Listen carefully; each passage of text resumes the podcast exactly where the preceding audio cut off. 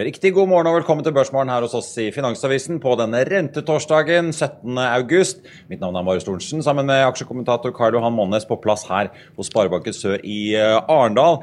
Der vi får bare ta det med en gang altså. Det er ventet en renteøkning fra Norges Bank i dag på 0,25 etter dobbelthevingen på det forrige rentemøtet i slutten av juni, da på 0,50. Beslutningen kommer litt over en time klokken tid. Før den tid så skal vi snakke med sjefen i Sparebanken Sør, som slapp tallene sine tidligere denne uken. Vi skal også høre fra Ikea Norge om situasjonen i varehandelen, nå som vi bl.a. så elektroimportøren mellom melde om krevende tider fremover, og vi altså har nyheter fra XXL. Vi skal også straks kaste oss over Borr og Autostore med Karl Johan. Jeg tenkte bare aller først å ta en kjapp gjennomgang av nøkkeltallene. Hovedindeksen på Oslo Børs endte jo opp 0,4 i går. DNB og Nordnett venter imidlertid i dag at vi får en langt surere start ned 0,5. Og vi ser også europeiske futures ligger omtrent i det sjiktet nå. Vi ser at den amerikanske tiåringen er tilbake da på nivåer på rundt 4,3 som er det samme vi så da, rundt toppen i fjor høst. Nordsjøoljen litt opp igjen til 83,70, men vi får også ta med da at den amerikanske lettoljen og nordsjøoljen har kommet en god del ned de siste dagene. Amerikanske VTI ligger nå under 80, på 79,60. Archer falt 8 i går etter sine tall. Hyon endte ned nesten 50% etter meldingen om en strategisk gjennomgang som da foreløpig ikke har gitt resultater, ifølge selskapet selv. Og så er jo da elektroimportøren og 2020 Bulkers begge ned 2-3% mens Link Mobility steg nesten eh, fire. Vi har sett et fall på de store asiatiske indeksene på rundt halvprosenten i dag. og Det er jo da fortsatt usikkerheten og de svake nøkkeltallene fra Kina som preger eh, stemningen. På Wall Street så vi Dow Jones falle en halv prosent, SMP 500 ned tre kvart, Nasdaq ned litt over 1,1. Og vi så da Target falt en 3 da etter sin eh, kvartalsrapport. Karl Johan, masse, eller i hvert fall masse kvartalsrapporter, men det er jo noen selskaper vi må ta og løfte litt frem i lyset her fra start. Jeg tenkte aller først skal vi bare ta XXL, for der har vi fått uh, tall på emisjonen. Ja. 40 øre. Ja, det er jeg har ikke noe spesielt å si om det, egentlig. Det er, det er ganske alt, alltid billig emisjonene i XXL. Det, jeg vet ikke. Det er uh, Sluttet på 1,50 i går. Det er jo ganske mye, det, da. Ja. De, de, de, sliter. Eh, alle som driver med sportsutstyr, sliter uh, å selge. Du så jo også Active Brands måtte hente inn 250 millioner kroner til 12% rente for å finansiere økning i varelager. Så det er, eh, det er ikke lett eh, for tiden. Nei. Nei. Vi får se hvordan eh, kursen går. Endte som sagt da på 1,50 i går. Ja. Ny tegningskurs da hvor man skal trykke opp 1,25 milliard aksjer. Eh, eller da 3,3 ganger av dagens mengde, får vi si, da, til 40 eh, øre stykket. Så en kraftig utvanning. Skal vi ta eh, robotlagre og rigger? Begynne med robotlagre, kanskje. Autostore ja. ute med tall som kanskje først kunne se bedre ut enn ventet på resultatsiden, men ja. Nei, det er jo, det jo ordreinntaket som og Dette har jo Øyvind Mossig i Sparebank1 Markets har jo, har vært tidlig ute og advart mot at ordreinntaket er bekymringsfullt for 2024. og Dette året her ser bra ut, men og, og det, det er 15 lavere ordreinntak enn ventet også i kvartalet. og det er klart Når du har et selskap som uh, har 84 milliard kroner i markedsverdi, og så har jo fått ødelagt resultat i år da, med den, den nedskrivninga på settlement med det britiske firmaet Okado. Uh, det er jo flere milliard kroner, og da, da, har du liksom ikke det siste gode året å, å, å, å se på. Og, og når, da, når, vi vet at det, de begynner å slite neste år og det er klart Dette her er jo et selskap som har blitt løfta på pandemien og internetthandel. og det er helt naturlig at de skal slite, og da skal verdivurderingen her langt ned. altså. Autoscore-aksjen skal langt ned. Og det nytter, det nytter, ikke å snakke om at du har veldig høye marginer når eh, salget, salget kollapser. altså. Jeg tenkte også har jo disse praten om eh, hva de eventuelt kan finne på med Amazon, har jo blusset opp igjen. Eh, er det litt ønsketenkning, eller er det faktisk en stor, eh, stor deal som potensielt kan komme her? Eh, jo, det kan jo hende at det blir stort, da, men, men størrelsen på det de skal gjøre, er jo som å, å sånn, Det blir jo som jokerbutikker. da. Du skal ha ganske mange jokerbutikker før, at det, før de begynner å, å, å slå ut på, på tallene til Autostore. og Eh, ja. Og jeg tror nok det at eh, et selskap som Amazon liker jo å gjøre ting sjøl også. Det, og det er jo masse konkurrenter også som, som eh, vil konkurrere med Autostore om dette. her, Så det, det, er jo ikke noe de vil få alene. Så, og jeg, jeg, kan liksom ikke se uh, den store fordelen med dette. her, at Det, det koker ned til liksom Før så var det, det du kunne overleve på å levere i New York, det var DVD-er DVD og iskrem. Det var folk villige til å betale for uh, over tid. Og resten er jo det kan du tjene penger på kort. Resten er jo bare subsidiert. Eh, levering. altså Det er liksom venture capital som driver og subsidierer dette med milliardtap. Det kan jo ikke fortsette så mye. så jeg har jo hatt erfaring med Fresh Direct som ligner litt på Oda i, eh, i Norge. da, de, de, de, klarer liksom ikke å tjene penger. Det er litt vanskelig. altså det er klart, Hvis butikkene får til å gå i butikken og hente varene sjøl, så er jo det det beste for butikkene. Ja. Jeg ser uh, Autostart, Autostore unnskyld, ikke Autostart, Autostore starter ned 8,7 på Oslo Børs fra uh, start. Uh, så går og venter litt på tall på XXL. ligger for 1,50 foreløpig, med en emisjonskurs på 40 øre. Hovedneksten starter ned en halv prosent som ventet i de første sekundene, i hvert fall. Har vi fått tall i dag fra DNO også. Et ganske surt kvartal for dem, mens oljeeksporten fra Kurdistan eh, altså fortsatt er eh, stengt. Mer om eh, deres tall, Oddfjell-tallene, Høg, Kahoot og Hexagon, det får du på FA.no. Men Karlan, vi må innom Boy Drilling også, riggselskapet til Tor Olav Trøim, som endrer litt på guidingen sin? Ja, de endrer litt på guidingen for 2023. Det er mye fokus på det, men det er, liksom, det er jo liksom ned bare rundt 10 da. Og når du vet at neste år så er det et voldsomt løft, liksom du går fra rundt 350 millioner til 550 millioner dollar, og at årsaken til Titanic-guidingen er jo at de flytter, flytter en rigg og, og, og, over fra En rigg som er kansellert, og den går til en bedre kontrakt et annet sted. og de foretar en oppgradering i mellomtida. Men det er jo liksom et voldsomt løft i EBITDA til neste år.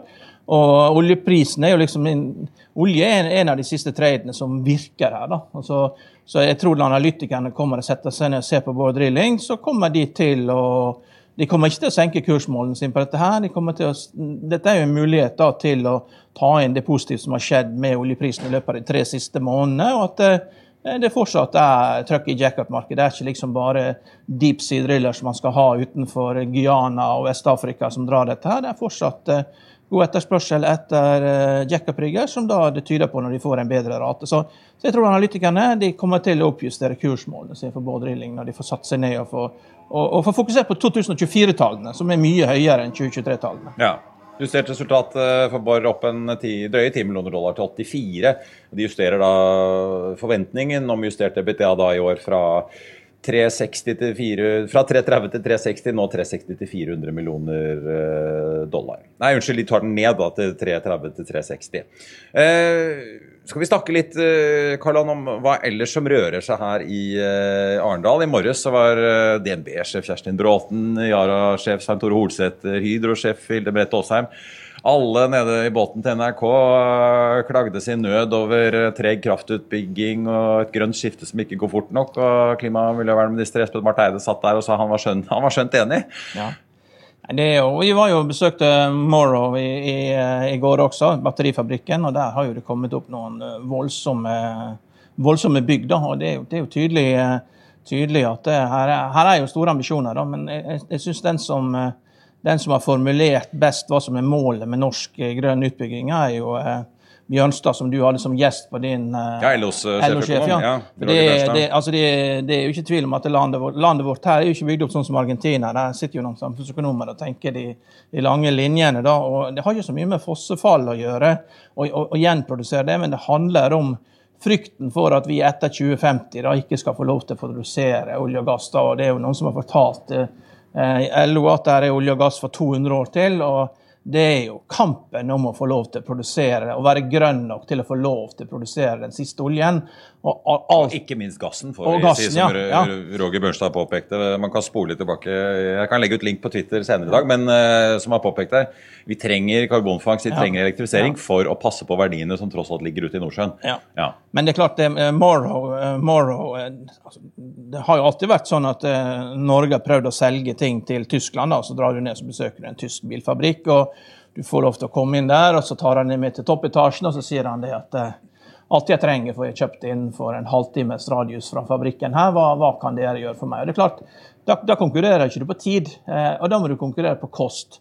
Så da, da, får vi lov, da må vi ha noe som er billig nok til at de syns det er interessant nok. Eh, men vi vil jo aldri bli størst i dette. her. Vi vil jo bli en liten produsent som leverer et eller annet, en sånn det blir en sånn backup-fasilitet. For de fabrikkene som bygges for batterier, er jo mye mye større. altså Northvolt, hvis du ser intervjuet med de, da, de har jo leveranser med de store bilprodusentene. og Volkswagen er jo ja, og De snakker om at de angrer på at de ikke har bygd større ennå. De har jo allerede produsert batterier.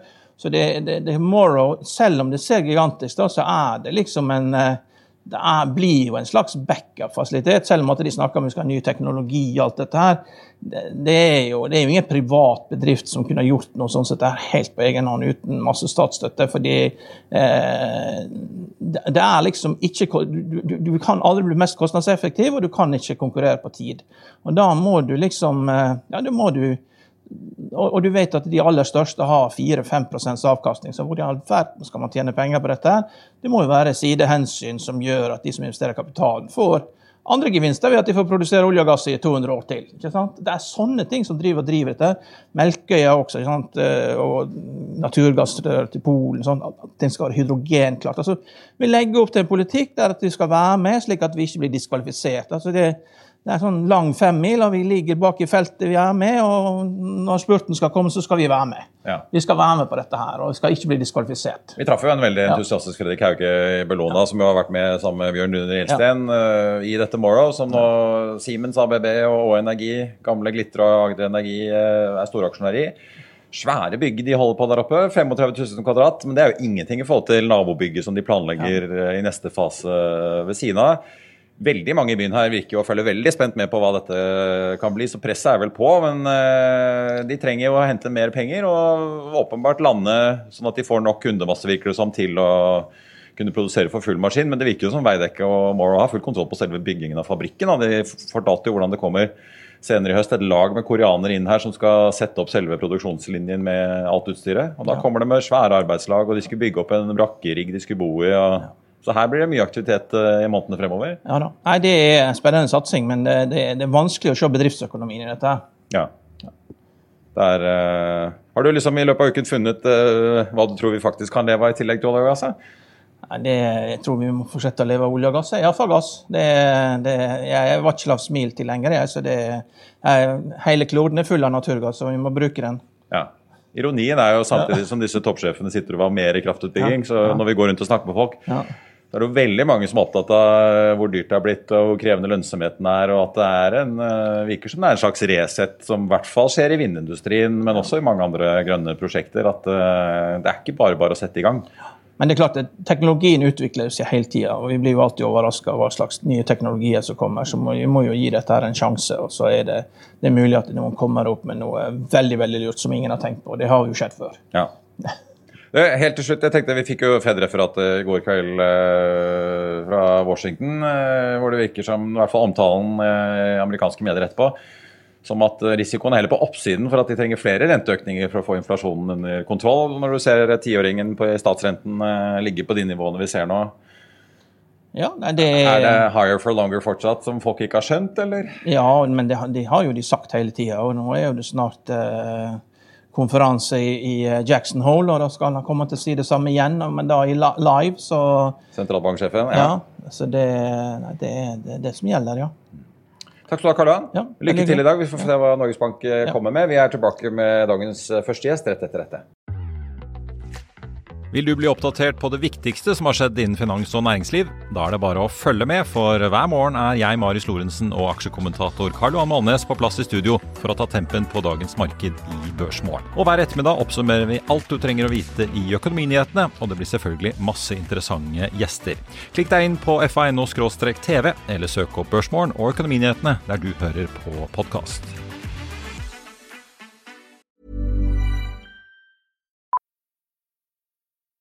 Millions of people have lost weight with personalized plans from Noom, like Evan, who can't stand salads and still lost 50 pounds. Salads, generally, for most people, are the easy button, right? For me, that wasn't an option. I never really was a salad guy. That's just not who I am. But Noom worked for me.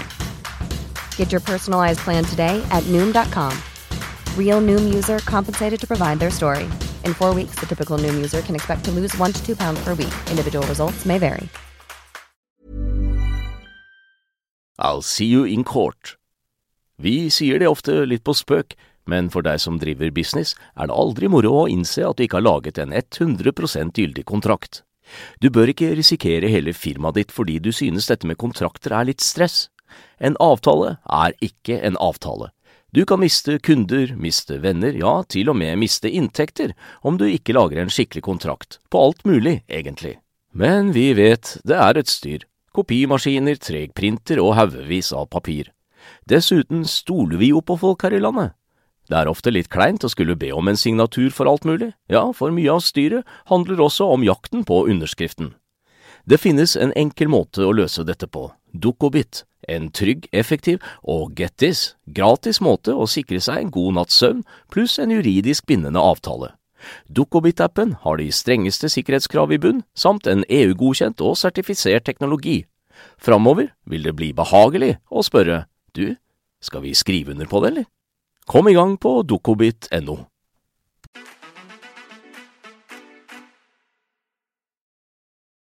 Velkommen tilbake. Vi ser XXL ligger på 1,58 nå, altså selv om eh, vi har fått da emisjonskursen på 40. Autostore ned 8,5 nå til 2099.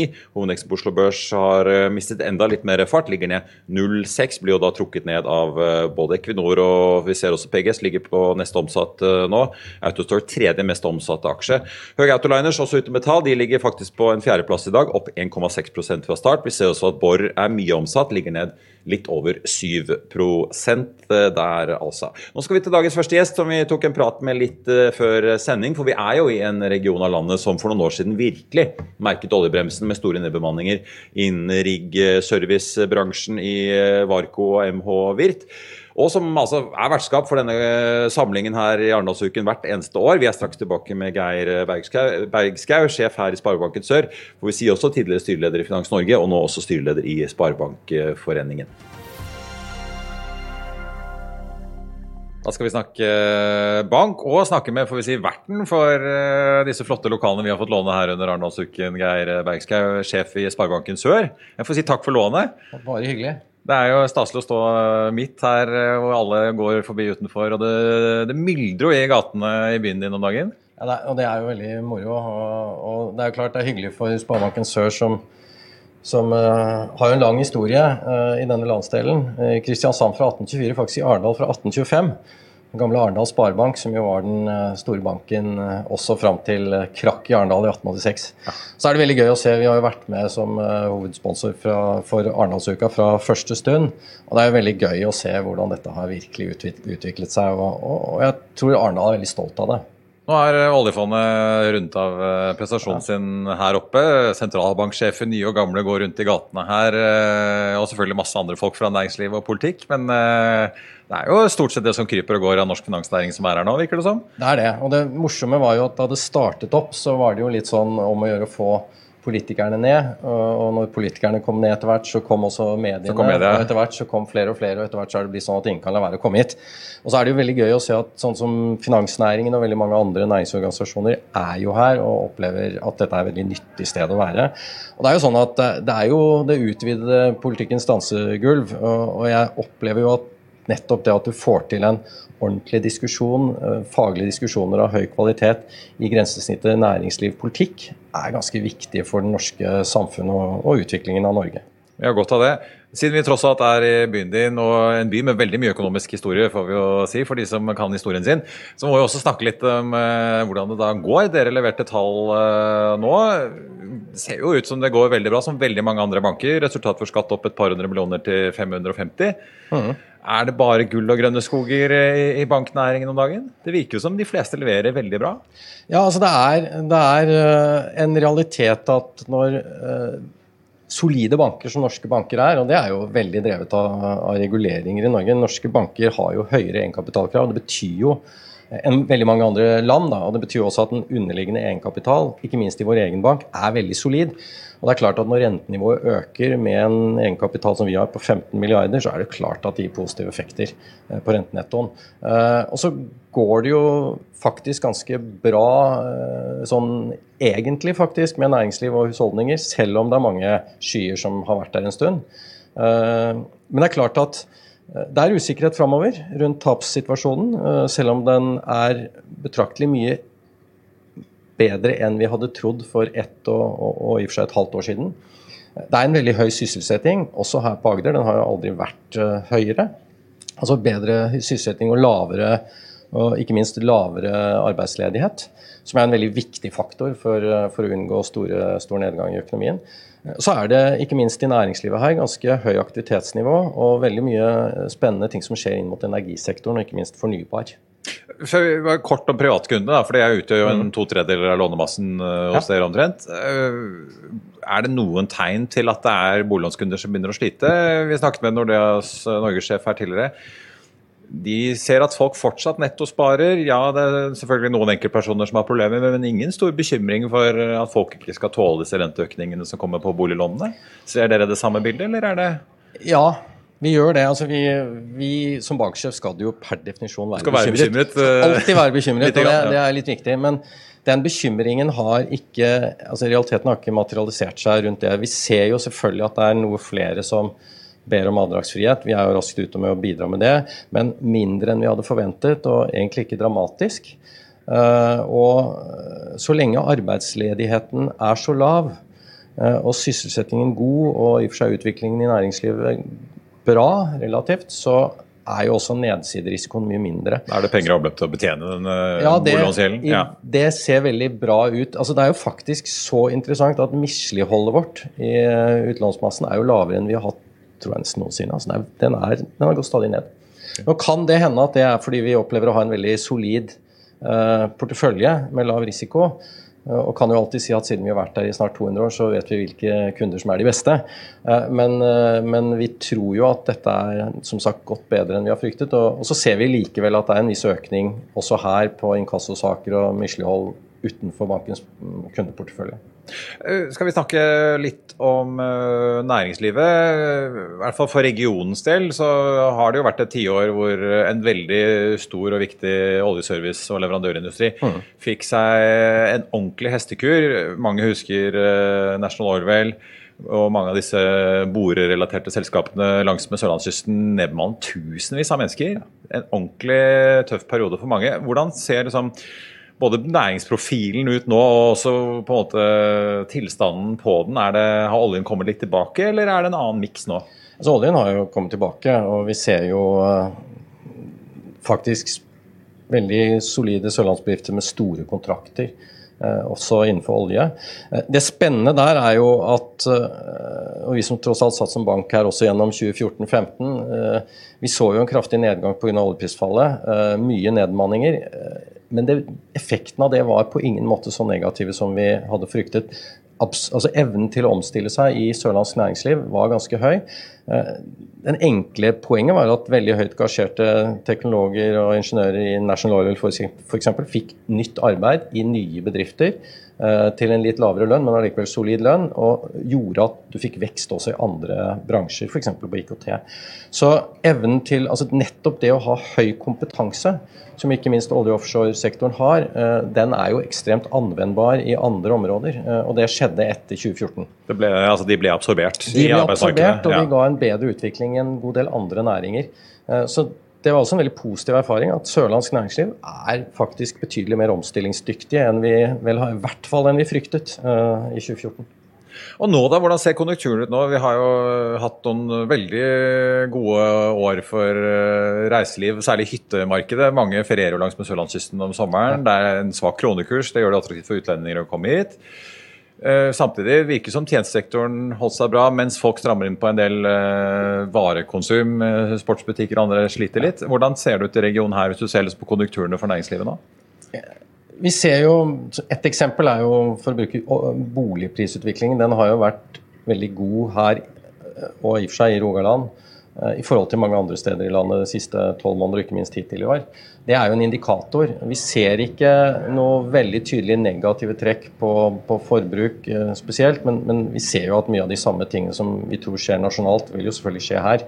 Men, men egentlig vi kommer fra et bedre utgangspunkt enn eh, en ved tidligere nedgangstider. Ja. Hva er det som er de store næringene i regionen her nå, da? Du har jo selvfølgelig det som er knyttet opp mot olje offshore, som også har en veldig spennende altså endringsevne inn mot fornybar. Enten det er mot uh, flytende eller fast havvind. Ja, først at det er mange sikter seg inn mot havvind gitt offshorekompetansen ja, de har. Ja. Det er det, og det er jo en naturlig ting. Men samtidig ser vi jo at uh, det er klart at den næringen har jo, nyter jo godt av at uh, olje- og offshoreindustrien er jo ikke død. Uh, her skjer det jo fortsatt mye som gir positiv input til, til vekst i, i regionen. Og så er det jo en veldig solid prosessindustri i denne landsdelen. av Verdensklasse, mye av dette. Vi har spennende IT-industri som, som, også har mye oppside, tror jeg. Og så er det jo også en veldig sånn generell gjennomsnittlig sammensetning også, som man har i resten av landet på øvrige næringer. Så det er egentlig en differensiert struktur. For oss i Sparebanken Sør så er det også veldig viktig. Vi har en, også en sterk posisjon inn mot uh, Vestfold, Telemark og Grenland spesielt, men også veldig supplerende industristruktur. Så, så i denne delen av landet så, så tror vi at det er uh, mye, mye, robust næringsliv. Geir Bergshaug i Sparebanken Sør, takk for uh, si, både studioplass og for at du kom og ble med i sendingen. Bare hyggelig. Maxbo Elkjøp, Lektorimportøren elektroimportøren og aller nyligst Tom Cottage er blant eh, butikkjedene vi har kunnet lese om som merker magrere tider hos eh, forbrukerne. Og Vi skal holde oss innen handelen nå, for i går fikk vi en prat med en får vi si, kjent og kjær og ikke minst sentral aktør i norsk retail, nemlig Ikea. Da skal vi snakke om eh, konsum og varehandelen, får jeg si. Vi har fått med oss Karl Lobby, Norges og bærekraftsjef i Ikea Norge. Velkommen. Takk. På plass i Arendal. Kan du kanskje først eh, si hva er det dere er opptatt av når dere kommer til en by som Arendal og deltar på masse arrangementer? Er det trender i varehandelen, bærekraft? Denna veckan eh, lägger vi mycket tid på vår bärkraftsagenda. Eh, träffa andra bedrifter, eh, intresseorganisationer och politiker. Eh, och så pratar vi en hel del om inkludering i arbetsliv eh, också. Så det är inte så mycket hardcore varuhandel utan mer de övergripande utmaningarna som, eh, som vi alla har och där vi vill bidra. Dere er jo en aktør som veldig mange i Norge har et veldig tett forhold til. Eh, dere har jo vært her i mange tiår. Var jo en av de første, om ikke det første landet Ikea ekspanderte til etter Sverige. Det stemmer. Si litt, Dere har jo fingeren på pulsen på Ola og Kari Nordmann, som vi kaller det. da. Eh, hvordan er liksom stemningen hos forbrukerne nå? Vi har sett andre aktører som elektroimportøren Maxbo. Veldig mange snakker om at det er jo mye magrere tider. XXL på sport. Hvordan ser det ut i møbel og hjem nå? Ja, vi ser jo at Eh, er prismedvetne. eh. Alltså de eh, ser kroner og ören og er mer upptagna kanske än innan av kroner og ören snarere enn procent og rabatter og sådär. Och det merker vi på at vissa produktområden går litt sämre enn vad det brukar. Och det är framförallt større inköp som kök og litt større investeringer, medan andre områden växer fortsatt veldig, veldig bra. Nå har jo dere et avvikende regnskapsår som avsluttes nå i august. Jeg vet yes. du ikke kan si noe om uh, tallene, men dere hadde jo en nedgang i, i fjor. Mm. Antar det var et slags resultat av at dere kom av den boomen som var under pandemien, og alle skulle kjøpe Precis. nye sofaer og pusse opp hjemme? Precis. Ja, Regner dere med at er det den utviklingen man fortsatt er i, eller har dere opp, opplever dere nå at man er, på en måte er ferdig med den uh, post-covid-rehaben? Det som jeg kan si, er at vi, vi kommer vokse i forhold til foregående år, uh, dette regnskapsåret. Så och vi vet att vi tar marknadsandelar på ganska många områden. Så det är ett ganska, ganska gott år. Men samtidig samtidigt har det varit ett väldigt utmanande år med högre kostnader, eh, dyrare priser när man köper in varor som er är i euro och inte i norska kronor. Så att det har varit utmanande men rent försäljningsmässigt har det faktiskt gått ganska bra. Och att det regnat mycket i sommar det, det hjälpte till också här nu under sista, sista månaden. Fristet folk inn i varehusene? Ja, det er klart at hva man, eh, hva man gjør. Eh, og uh, sitter man mer hjemme og spenderer mer tid der, så kanskje man åker til Ikea noen, noen ekstra gang under, under semesteren uh, i stedet for å ligge på, på stranden. Men vi, mange lurer jo på om vi nå går i en resesjon. Vi hører jo DNB og Nordea, de store bankene, snakker jo om at de ser jo at kundene deres bruker jo mindre penger, er mer forsiktige, mm. men ikke noen sånn stor bråbrems. Mm. Hvis dere setter i kontekst Ikea-messig, er dere nå på liksom nivå før pandemien i hvor mye folk handler og kjøper, eller? Ja, altså man kan säga att volymen och kvantiteterna har eh, gått ner lite men eh, som sagt vi gör ett gott resultat och det är också en del av vårt koncept är ju att ha så låga priser som möjligt så att så många som möjligt kan, kan handla hos oss.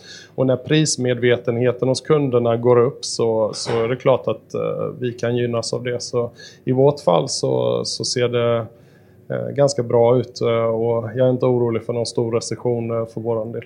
Får vi se når uh, tallene kommer ordentlig ut om uh, antar ikke så veldig mange uh, ukene. Eh, vi må snakke litt om, om, strukturen i Ikea, for folk kjenner dere jo veldig mye for de store varehusene med store mm. parkeringer og busser ut, og det er bare å sette av hele lørdagen eller hele kvelden eh, for å gjøre det til en skikkelig happening med både kjøttboller og alt man mulig man kan få.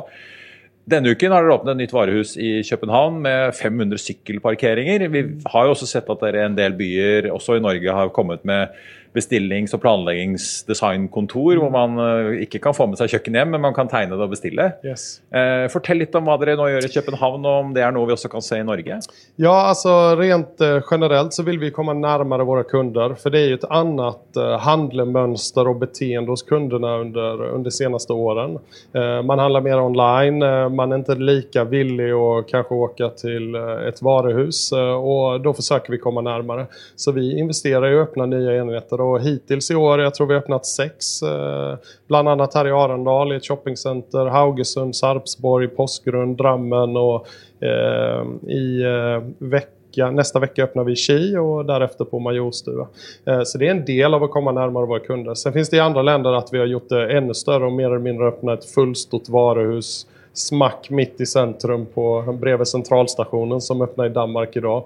Uh, och vem vet, det kanske kommer någon gång till, till framtiden uh, till Oslo också, men uh, vi är inte riktigt där, där än. Men altså, ser dere at norske forbrukere er mer interessert i også å bestille større ting som stoler og sofaer på nett? Ja, altså det er jo omtrent en fjerdedel av vår omsetning som genereres online Og for bare et par år siden var det langt under 10 Omtrent null, ja. ja. precis. Så det har jo vokst enormt mye. Og det er samme sak med service, altså transportservice, montasjeservice. I dag er omtrent 50% av det vi selger, på et eller annet sett kopplat til en av våre service. Eh, så det är också ett sånt tillväxtområde. Eh, och därför investerar vi också i eh, distributionsbiten. Så vi bygger ju ett centrallager i Västby söder om, om Oslo som ska öppna här om vad är det, 18 till 24 månader någonting sånt.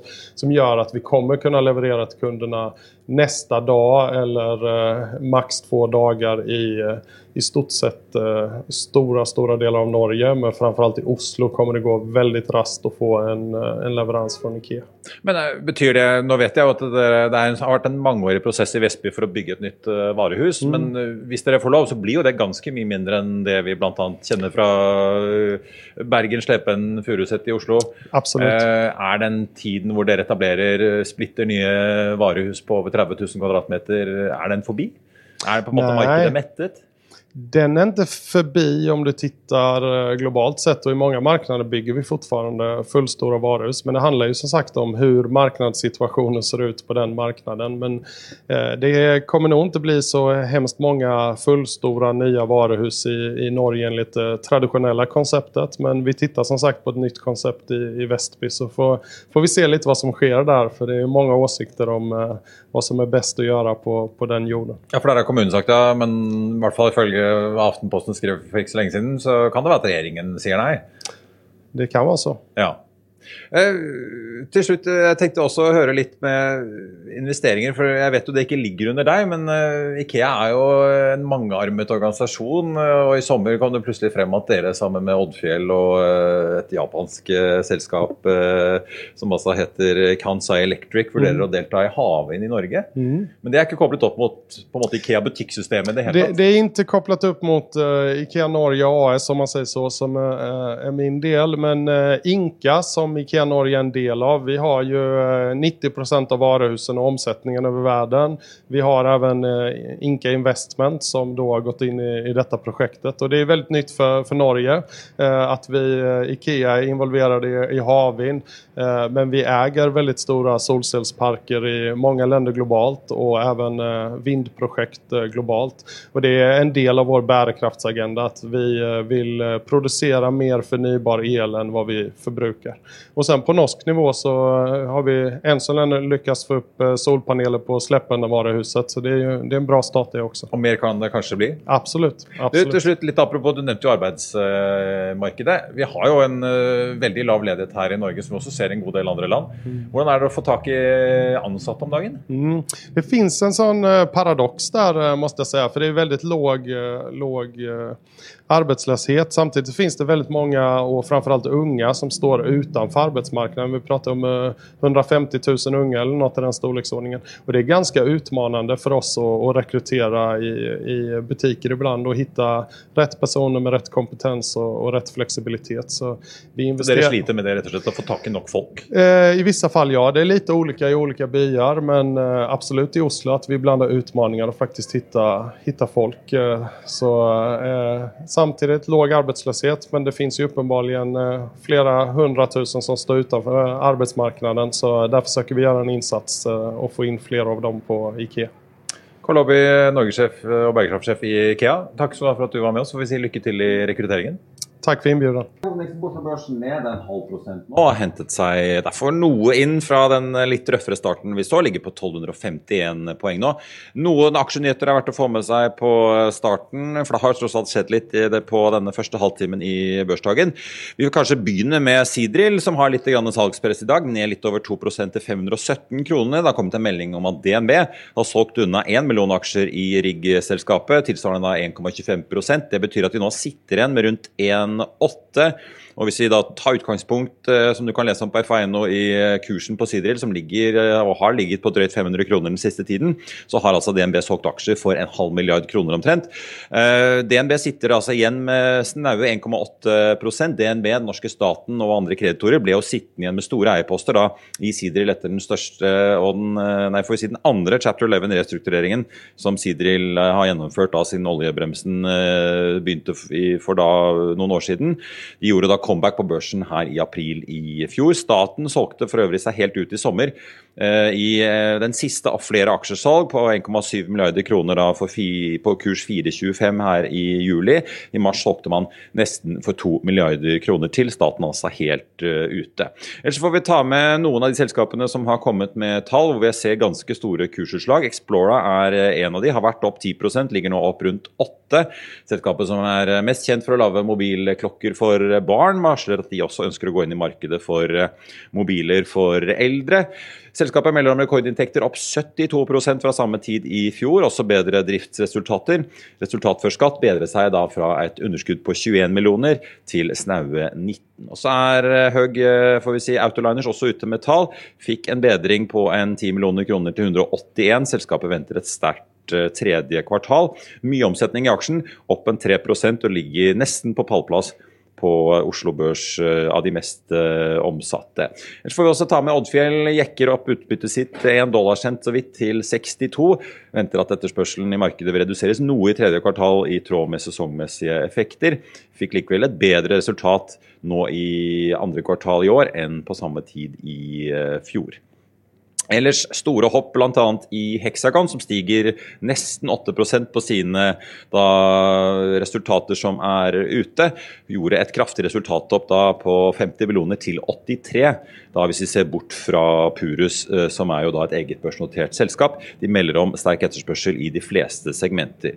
Ellers er boligriksselskapet Prosafe ned en 4% Carnegie kuttet i går kursmålet da fra 260 til 190, men gjentar sin kjøpsanbefaling. Ligger nå på 112 og har falt da fra 117 i går. Så får vi også ta med Statorsk, som eh, melder om at de kan ha funnet en eh, fusjonspartner. Så får vi se hva som skjer med selskapet. Der har det jo vært en strategisk prosess. Aksjen opp 66% nå til rett under 48 øre aksjen. Ellers, eh, Kahoot, veldig mye omsetning, men ikke så mye utslag. Ned 0,2 etter deres eh, tall. Resultatene var omtrent som de analytikerne hadde ventet i eh, forkant. Dagen den er bare så vidt i gang her i Arendal. Rentebeslutningen fra Norges Bank den er nå bare 28 minutter unna. Den kommer klokken 10. Det blir pressekonferanse her i Arendal med Ida Wolden Bakke, sentralbanksjefen 10.30. Vi får også en bonussending i ettermiddag med Ida Wolden Bakke og Sparebanken Sørs nye sjeføkonom og tidligere statssekretær i Finansdepartementet Tore Vamrok, for å høre både hva sentralbanksjefen sier og hva en sjeføkonom sier om rentebeslutningen, som altså er ventet å være en kvarting opp til fire blank. Beslutningen den får du selvfølgelig som alltid på fa.no. Du vil heller ikke gå glipp av Økonominyhetene klokken 14.30. Vi snakker med Norwegian-sjef Geir Karlsen, og vi skal også høre fra Morrow-sjef Lars Christian Bakker om hvordan det egentlig går med det enorme batterianlegget og eh, arbeidet med å hente inn de siste kronene som trengs for å ferdigstille første fase der. Men Børsmorgen er i hvert fall ved veis ende for denne torsdag 17. august. Mitt navn er være Marius Lorentzen, tusen takk for følget, og så ses vi igjen senere i dag.